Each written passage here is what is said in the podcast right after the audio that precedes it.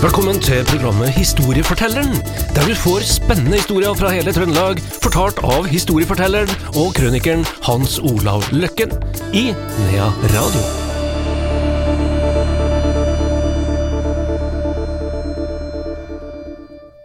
Velkommen tilbake til Historiefortelleren.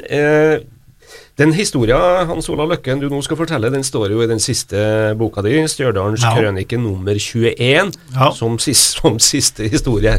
Det blir neppe den siste. Nei, vi får håpe at det får være med et år eller to eller tre til. 21 bøker. Ja, 21 21 bøker det blir krøniker. for 21 år. Ja, det er ikke verst. Nei, jeg begynner jo å bli Jeg er litt fornøyd med det, da. Ja, For det er litt arbeid. Ja, jeg vet det. For det er ganske mange kapitler i hver bok, vet du. Så blir du søkkrik av det her, da. Ja, noe så enormt av det, da. Her. Du, vi skal eh, litt maritim eh, sånn i starten, og så skal vi litt opp i lufta og litt eh, Ja, etter hvert ned på bakken igjen. vi skal møte en person som opererer i, i, ytterkantene på ganske mange felt her. Og han Da han møtte noen venner nede på Vestlandet, når han var ute og rodde, så var det vertinna der som sa at 'du er litt gal', sa hun vertinna, og det har jeg brukt som tittel på det her kapitlet som jeg skrev om eh, en som het Klamer Meltzer. Han er trondheimsgutt, og eh, han rodde fra Trondheim til Oslo i 2017. Og det er det vi skal begynne med. Men først vil jeg likevel fortelle at etter, etter roturen så skrev han ei bok, og han skrev den på den moderne måten at det ble mer en billedbok. Det er ganske smart, det her billedbøkene, for du får mye fine bilder, og du får småhistorier og sånn. Så han laga ei kjempebok der hvor han tok for seg ulike plasser nedover kysten, og laga historier fra kommune, fra ting som har skjedd der, osv., osv. Og når du når jeg dro på den reisa gjennom den boka, da, så skjønte jo det til og med jeg som fjellbonde, at det er jo ved kysten man skapte rikdommen. Det var ved kysten man overlevde. Og vi andre tullingene, vi dro over til fjells og levde på gråstein. Mens så lærte en ting til. Norge er noe mer enn de store akser mellom noen byer. Tenk på, og der skriver jo han om òg, ikke sant? På de her plassene rundt hele kysten vår, med sin såkalte kultur, da. Jo da, han her Reklamer Meltzer, han er trondheimsgutt og gått på skolen der i, i byen. Eh, og, eh, men de hadde hytte på Stjørdal, så han hadde på en måte tilbrakt hver eneste sommer, hele barndommen. Og far hans fikk tak til en båt på Åfjorden samvirkelag da i eh, 1953, som han kjøpte for 350 kroner. Og det er vel det de kaller da en åfjordfjæring. Altså nå må jeg passe meg litt, for jeg har jo aldri sittet i en båt og kan jo ingenting om båt. Men, eh, Men det kan de i Åfjorden. men det kan de i Åfjorden. Og jeg forsto at det der er noe som eh, er på topp da, i pyramiden. Eh, Så fant han ut da at han skulle ro til, fra Trondheim til Oslo med den her båten, da. Pussa han opp og ordna og sto i, men så hadde de ikke noe navn på den båten. Eh, Han eh, De har bare kalt den for Fjæringen. Så da skulle hun foreta en eh, dåpsseremoni og døpe den her båten, da. Og da døpte den for Aurora. Og da fikk han jo kjeften over hele kysten for at han ikke var god i ortografi, for at han har jo skrevet feil Aurora. Men det var ikke Aurora, det var Aurora, så er dialekt for Aurora. Jeg ror henne. Det syns jeg er veldig bra, jeg. Jeg ror. Ja. Og jeg husker altså for ja, det er snart 50 år siden, når jeg bodde på Helgeland.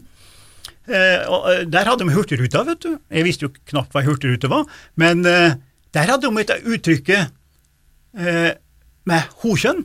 Det er vel sånn at skip og båter for det meste er hokjønn, tror jeg. Ja. Jeg tror det i hvert fall. Eh, men det er ikke godt å si likestilling. sjøl om de kan ha mannenavn, så er de jo hokjønn. Ja, jeg tror det er, det er sånn, nei, ho. Og når da Widerøe begynte å fly i 1968, og jeg var på Helgeland, og mottok telefon, så kom telefon, de skulle spørre når Widerøe landa. Når kjem hun? Når kjem hun? Hvem i svarte er hun, tenkte jeg liksom første gangen. og da overførte fra Hurtigruta til flyet. Sånn er vi. Det er helt fantastisk. Jeg syns det er topp. Ja visst. Ja. Så eh, Han, eh, han eh, Meltzer her, da, han eh, var jo i Forsvaret og gikk jo flyskolen og, og var i Amerika, ble jagerflyver og, og eh, fløy eh, senere P3, sånne overvåkningsfly som passer på ressursene våre, og ganske tøff flyving langt ute i havet, sånn opp i en åtte, ni og ti timers turer og sånn. Så eh, han flydde på Avaksen. Avaksen det er den store beste dere ser av og til over himmelen i, i Trøndelag, med en sånn tallerken, stor tallerken eh, oppå ryggen. De overvåker det som skal overvåkes her i verden, for å si det sånn. Han har vært eh, sjef på flyskolen på Værnes, og blant annet eh, når jeg var instruktør der, da. eh, og sånn, så vi har blitt eh, godbusser, og, og, og, og vi er jo litt sånn halvgale begge to når det gjelder luftfart. Men han er litt mer gal enn meg, da, for eh, ved siden av å drive og fly veldig mye, så, så driver han med modellflyving òg, på fritid. Da, og eh, har flere norgesmesterskap, og det er representert Norge i europamesterskap, og, og, og, og han står nå veldig på, da. Og han eh, rodde da fra Trondheim, han rodde vel i 56 dager, hele turen var jo nå 80 dager, da, men han hadde vel en distanse da på eh, 1400 km, det blir eh, 140 mil, da. Og han har vel regna ut at han hadde ca. 400 000 årtak, åretak, da, hvis han beregna 20 åretak i minuttet. Eh, han hadde jo dagsetapper fra eh, 10 km til ja, En gang så rodde han 53 km. Han hadde jo flere GPS-er, alt det her er jo kontrollert, hele greia. Totaltid i båten var 333 timer, og han hadde overnattinger i båten. 31 overnattinger lå i båten. Og eh, det er jo ingen som eh, Eller jeg har liksom ikke spurt ham hvorfor han rodde, da. Men det var en som har rodd før han her i verden. Og det var en eh, som het Peder Seivåg. Han rodde også da til Kristiania, som det het den gangen, på eh, 70 dager. Og det var vel i eh, 1911, og da rodde han til Oslo for å hente 30 kroner. Så, men her var det ikke noe penger bak det her, da, med han eh, Klamre Meltzer. Så forlater vi det her roinga, og så går vi over til å fortelle at han er ikke noe hvem som helst, skjønner, eller familien Meltzer. Eh, alle sammen som hører på nå, skjønner jo at det her må være noe tysk. Og det var da selvfølgelig en tysk familie som kom til Norge og Bergen da i 1690. Der kom faktisk talt uh, er fra òg, opprinnelig. Da, I hvert fall en av grenene. Og uh, de slo seg ned og fikk uh, borgerskap, da, altså handelsbrev og hele greia. Og han eh, Og de utvikla seg til, til, til kjøpmenn og forskjellige ting i Bergen, da. Og når vi begynner å nærme oss 1800-tallet, så er det en som heter Fredrik Melser. Det er da tippoldefar til vår Melser fra Trondheim. Og denne tippoldefaren, han var på Eidsvoll, var eidsvollsmann, men han er like mye kjent for at han i da tiden før Eidsvoll, altså det her 1807-1808-9-perioden hvor det var nød i Norge, i barkebrødtiden, da gjorde han en innsats. Han tok og rusta opp fullt av sunnmørsbåter, og så dro han da eh, eh, til Danmark for å finne korn. Og hvis vi da kan litt om eh, vår litteraturhistorie, så vet vi jo at det er andre som har vært ute og rodd. Terje? Han, Terje, nettopp. Hva, hva det begynte med, hva lærte vi på gymnaset? Rodde en eh, gråsprengt, Ja. underlig mann, var ikke det det sto, da? Jo, Jo, det var noe sånt med Henrik Ibsen. det var litt av en type, gitt. Terje Ja, Viken. ja, Terje Viken. Så der deklamerte man vet du, på fester og litt av hvert. da. Og, så han, Min Klamer, min venn Klamer, var jo en, på en måte en slags Terje eh, Viken. Og så var det da samtidig han tippoldefaren hans, og en av båtene som han tippoldefaren da brukte, ja, den hadde da det merkverdige navnet som eh, lyder Død eller brød. Er ikke det litt spesielt? For den skulle altså hente korn og overleve. Da kalte de båten for Død eller brød. Så han herre Meltzer, da, som var eh, på Eidsvoll, og som er tippoldefar til vår hovedperson, han er ikke noe hvem som helst. Det var han, Meltzer her, på Eidsvoll, som har æren for å ha tegna det norske flagget. Og det er jo ofte sånn med tradisjonsfortellinger at man har litt vri på disse tradisjonsfortellingene. Så en av tradisjonsfortellingene gikk jo på at det var ikke i og for seg han Fredrik, han eidsvollsmannen, som gjorde det, det var hans sønn som gjorde det. Men det har forskere da i ettertid, og dette har vi jo da avliva, det er bare en myte det, da, for sønnen var jo hjemme i Bergen, og så videre og så videre. Så det er altså han Fredrik, som var eidsvollsmannen, som er tippoldefar til han som, som rodde her, som tegna det norske flagget. Og det norske flagget har jo vært forandra ganske mange ganger. Det er ikke folk klar over. Jeg det er vel antagelig Jeg tror i 2018 var det siste gangen vi forandra det norske flagget, hvor UD, Utenriksdepartementet, må trekke tilbake et forslag om noe forandring på farga sånn. Det ble nedstemt da. Men det er ofte sånne små nyanser som blir tatt opp med jevne mellomrom. da. Og det er klart at både heraldikken vår og, og veksologien, da, som jeg lærer om flagg og sånn, den er stadig litt under press. Det kommer nye folk til Norge, husk på det, nye kulturer, nye religioner og alt sammen. De vil presse litt, og sånn har det vært i og for seg bestandig. Det blir satt under press. Det gjelder alt, det. Og eh, så skal vi avslutte litt med han her eh, Klamer Meltzer, da.